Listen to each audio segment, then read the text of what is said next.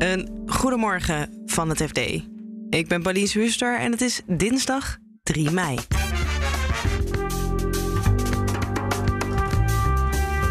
Het personeelstekort bij Schiphol dat zorgt voor grote drukte in de meivakantie, is voor de zomer nog niet opgelost. Ik kan me bijna niet voorstellen dat in die korte periode die ons nu nog, die, die nu nog uh, er is voor de zomervakantie, dat ze in staat zijn om 5, 6, 700 mensen aan beveiligingspersoneel aan te nemen.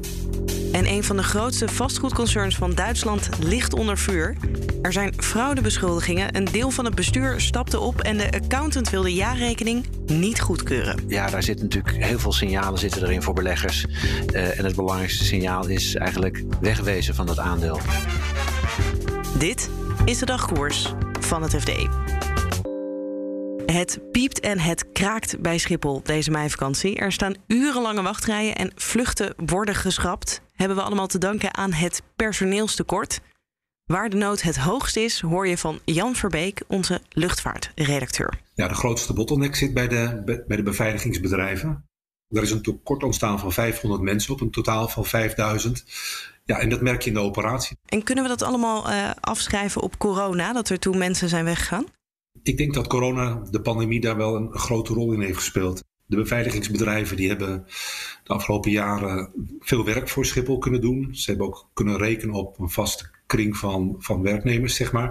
Op het moment dat een groot deel van het werk wegviel, uh, zijn die werknemers die niet in vaste dienst waren, of die wel in vaste dienst waren, niet tevreden waren over hun arbeidsvoorwaarden, ja, die zijn rond gaan kijken. En daarvan is een behoorlijk deel vertrokken.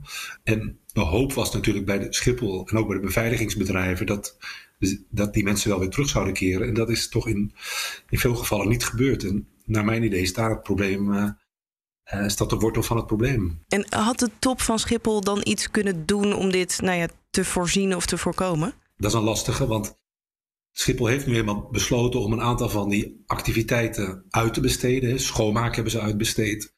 De, de, en de beveiliging hebben ze ook uitbesteed. Daar is eigenlijk veel voor te zeggen, want als je iets uitbesteedt, dan mag je verwachten dat het ook efficiënter en doelmatiger gebeurt tegen lage kostprijzen.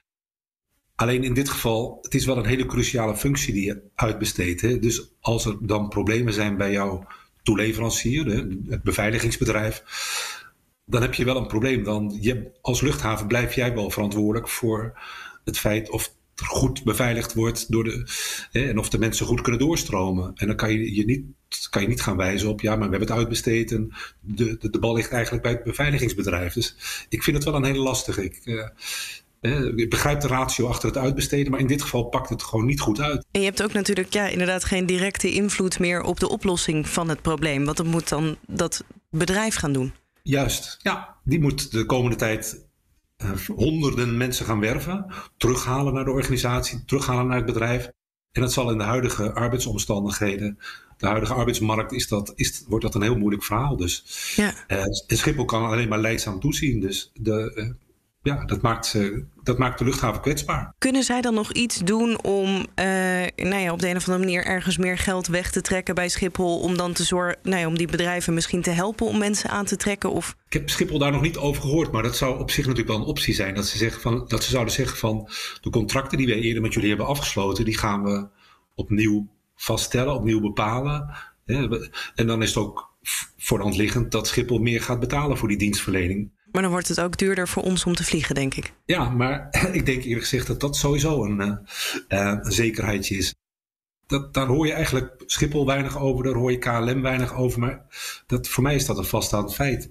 Er zit een verduurzaming aan te komen. Nou de, de factor arbeid, de luchthaven, waarvan we met z'n allen vinden dat dat een belangrijke schakel is eh, op de luchthaven. Die moet ook beter gewaardeerd worden. Misschien wel meer vaste contracten, in ieder geval hogere uurlonen vliegen wordt duurder. En um, ja, dit, was, dit was, of het is nog de meivakantie. De zomervakantie komt er ook nog aan. Uh, kunnen ze dat zo snel oplossen? We doen het nu voorkomen alsof de meivakantie buitengewoon was en of het ongekend druk was. Maar het was minder druk dan, eh, dan we kennen in de periode van voor de pandemie. Dus op het moment dat we met z'n allen in de zomer weer in het vliegtuig willen stappen op weg naar vakantie, praat je over nog grotere aantallen. Dus ik kan me bijna niet voorstellen dat in die korte periode die ons nu nog er is voor de zomervakantie, dat ze in staat zijn om 5, 6, 700 mensen aan beveiligingspersoneel aan te nemen. Er zal er wellicht een beroep gedaan worden op luchtvaartmaatschappijen van nou, beperk dan je aantal vluchten. Maar ja, dat vind ik echt een, soort no-go. Dat, dat kun je eigenlijk niet aan ze vragen. Dat, daar hebben ze ook gewoon ontkennend op geantwoord. Van, dat gaan we gewoon niet doen. Nee. Ja, nou, dat is een hoopvolle boodschap voor de vakantie, uh, Jan, alvast. ja, ik had het graag anders verwoord, maar uh, ik, dit is gewoon iets waar je rekening mee moet houden. Dit is de, een nieuwe werkelijkheid. En dan gaan we naar Duitsland, waar een van de grootste vastgoedconcerns van het land, Adler, onder vuur ligt. Accountant KPMG luidt de noodklok na kritiek van beleggers op schimmige deals. En de accountant keurt nu ook de jaarcijfers niet goed. En dus dook het aandeel naar beneden en stapte een hele groep bestuurders op. Eentje bleef zitten, vertelt Gerben van der Marel, onze correspondent in Duitsland. President-commissaris, die vrij nieuw is, die zat er nog maar twee maanden. Uh, dus ze worden, maken echt uh, schoon schip. Een van de CEO's hadden twee CEO's. Eentje ervan stapt op, de ander blijft nog. Um, maar daar is wel een duidelijk ja, daar zitten natuurlijk heel veel signalen zitten erin voor beleggers. Uh, en het belangrijkste signaal is eigenlijk wegwezen van dat aandeel. Ja, en wat zou er aan de hand zijn bij het bedrijf? Wat zouden ze hebben gedaan? herfst vorig jaar, sinds een maand of zes, uh, uh, ligt het bedrijf onder vuur van beleggers. Het ging dan om schimmige vastgoeddeals, het, het leeghalen van bedrijven, het, het, vriendjespolitiek, het doorschuiven van, van belangen naar vriendjes eh, tegen, tegen lage waarderingen. Uh, het bedrijf heeft de hak in het zand gezet en heeft gezegd: is niet juist. We stellen KPMG, vragen we om onderzoek te doen, forensisch onderzoek, uh, en dan zullen we vrijgepleit worden. Wat was de uitkomst volgens KPMG? Twee dingen. KPMG heeft enerzijds geconcludeerd dat uh, de bewering van de beleggers dat er uh, van zelfverrijking sprake is en dat er een uh, regelrechte fraude plaatsvindt, daar hebben ze geen bewijs voor kunnen vinden. Maar de anderzijds in het verhaal is dat, um, dat er op bepaalde informatieverzoeken uh, die informatie niet is geleverd. Bijvoorbeeld de communicatie tussen het bedrijf en die geleerde partijen. Als het gaat om die, die, die merkwaardige en schimmige transacties. Dus eigenlijk zegt KPMG van ja, Um, voor een deel uh, zijn die beschuldigingen ongefundeerd. Maar voor een ander deel kunnen we eigenlijk niet instaan of het waar is of niet waar is. Want ja, ons wordt eigenlijk ons, het werk onmogelijk gemaakt. En is dat dan ook de reden dat ze nu weigeren om de jaarrekening goed te keuren? Precies, dat is de reden waarom ze het nu niet goedkeuren. Ze zeggen als wij niet alle informatie uh, hebben die we uh, nodig hebben om te beoordelen of het allemaal wetmatig en rechtmatig uh, is gebeurd. En of we, we, moeten alle informatie hebben om, om die goedkeuring te kunnen leveren. Als we dat niet krijgen, dan doen wij niet mee en dan trekken we onze handen ervan af. En dat is natuurlijk echt dodelijk voor een aandeel. Ja. We komen hier ook weer een bekende naam tegen die nou verband houdt met een ander nou ja, schandaal, kunnen we het misschien wel noemen, op de uh, Duitse beurs, namelijk, uh, namelijk met Wirecard. Ja, dat is dat betaalbedrijf, dat veelbelovende betaalbedrijf uit München, dat zelfs helemaal had geschopt tot de, de DAX, hè, dat is de hoofdindex van, van de Duitse beurs. en dat bleek één grote uh, poppenkast te zijn. Uh, een, een, luchtkasteel uh, gebaseerd op leugens en bedrog. En dat is ingestort. En het was een keiharde, ehm, ja, keiharde klap eigenlijk voor, voor de Duitse beurs. Hè, die natuurlijk toch altijd in concurrentiestrijd is verwikkeld met Amsterdam, met Londen. Ehm, en het feit dat deze zaak nu speelt. Um, het is nog niet duidelijk of hier ook sprake is van regelrechte fraude of strafrechtelijke verdenkingen. zover is het hier nog niet. maar de schade voor, voor de Duitse beurs is natuurlijk enorm. Want het straalt natuurlijk toch af. Beleggers stellen de vraag, en het zijn weer buitenlandse beleggers die de kritische vraag hebben gesteld. Die vragen terecht van hoe is het eigenlijk geregeld met die governance, met het bestuur binnen die ondernemingen? Hoe betrouwbaar zijn die, zijn die CEO's? En wordt er, is er wel voldoende controle eigenlijk ook van, van externe toezichthouders? Ja, en, en dat zijn dezelfde beleggers, hetzelfde hedgefund, wat dus ook bij Wirecard toen aan de bel trok. Ja, er zijn heel veel overeenkomsten. Dat is heel raar eigenlijk. Uh, uh, misschien ook niet toevallig. Uh, Fraser Paring, Viceroy Research is, zijn, is de naam van zijn onderneming. Dat is een, een, een hedgefundbelegger uit, uit een shortseller eigenlijk. Dus iemand die speculeert op de daling van een aandeel. Uit Londen, uit Engeland. en die pikt af en toe eens uit die grote grabbelton van Europese ondernemingen een, een, een bedrijf dat vragen oproept, hè, waarbij de boekhouding vragen oproept. En vaak is dat een Duits bedrijf. en soms heeft iets aan het goede eind. En dat, was bij Wirecard absoluut het geval. dat was een gouden greep van hem.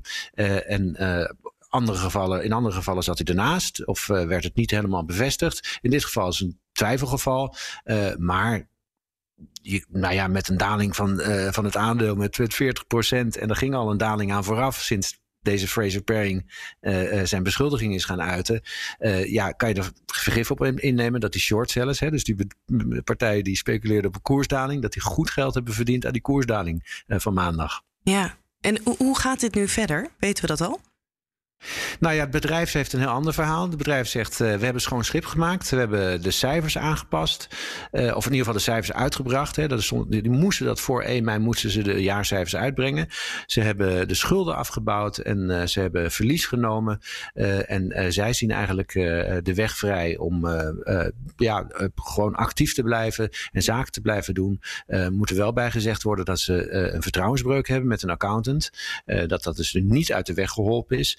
En tot dan toe is het echt ongelooflijk lastig voor ze om ook nieuwe financiering te krijgen, om obligaties uit te geven of uh, uh, om gewoon bankfinanciering aan te trekken. Uh, dus ehm, ja, er zal toch meer duidelijkheid moeten komen over, over de, ja, de aard van die schimmige transacties, zullen we maar zeggen. En ja, of KPMG toch te bewegen valt om die, om die jaarrekening alsnog goed te keuren.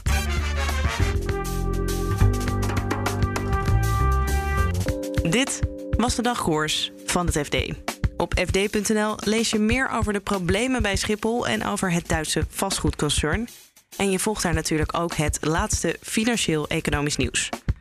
Dagkoers volg je in je favoriete podcast-app. En als je ons daar even in opzoekt en klikt op abonneren, dan staan we morgenochtend automatisch weer voor je klaar. Voor nu een hele fijne dag en tot morgen.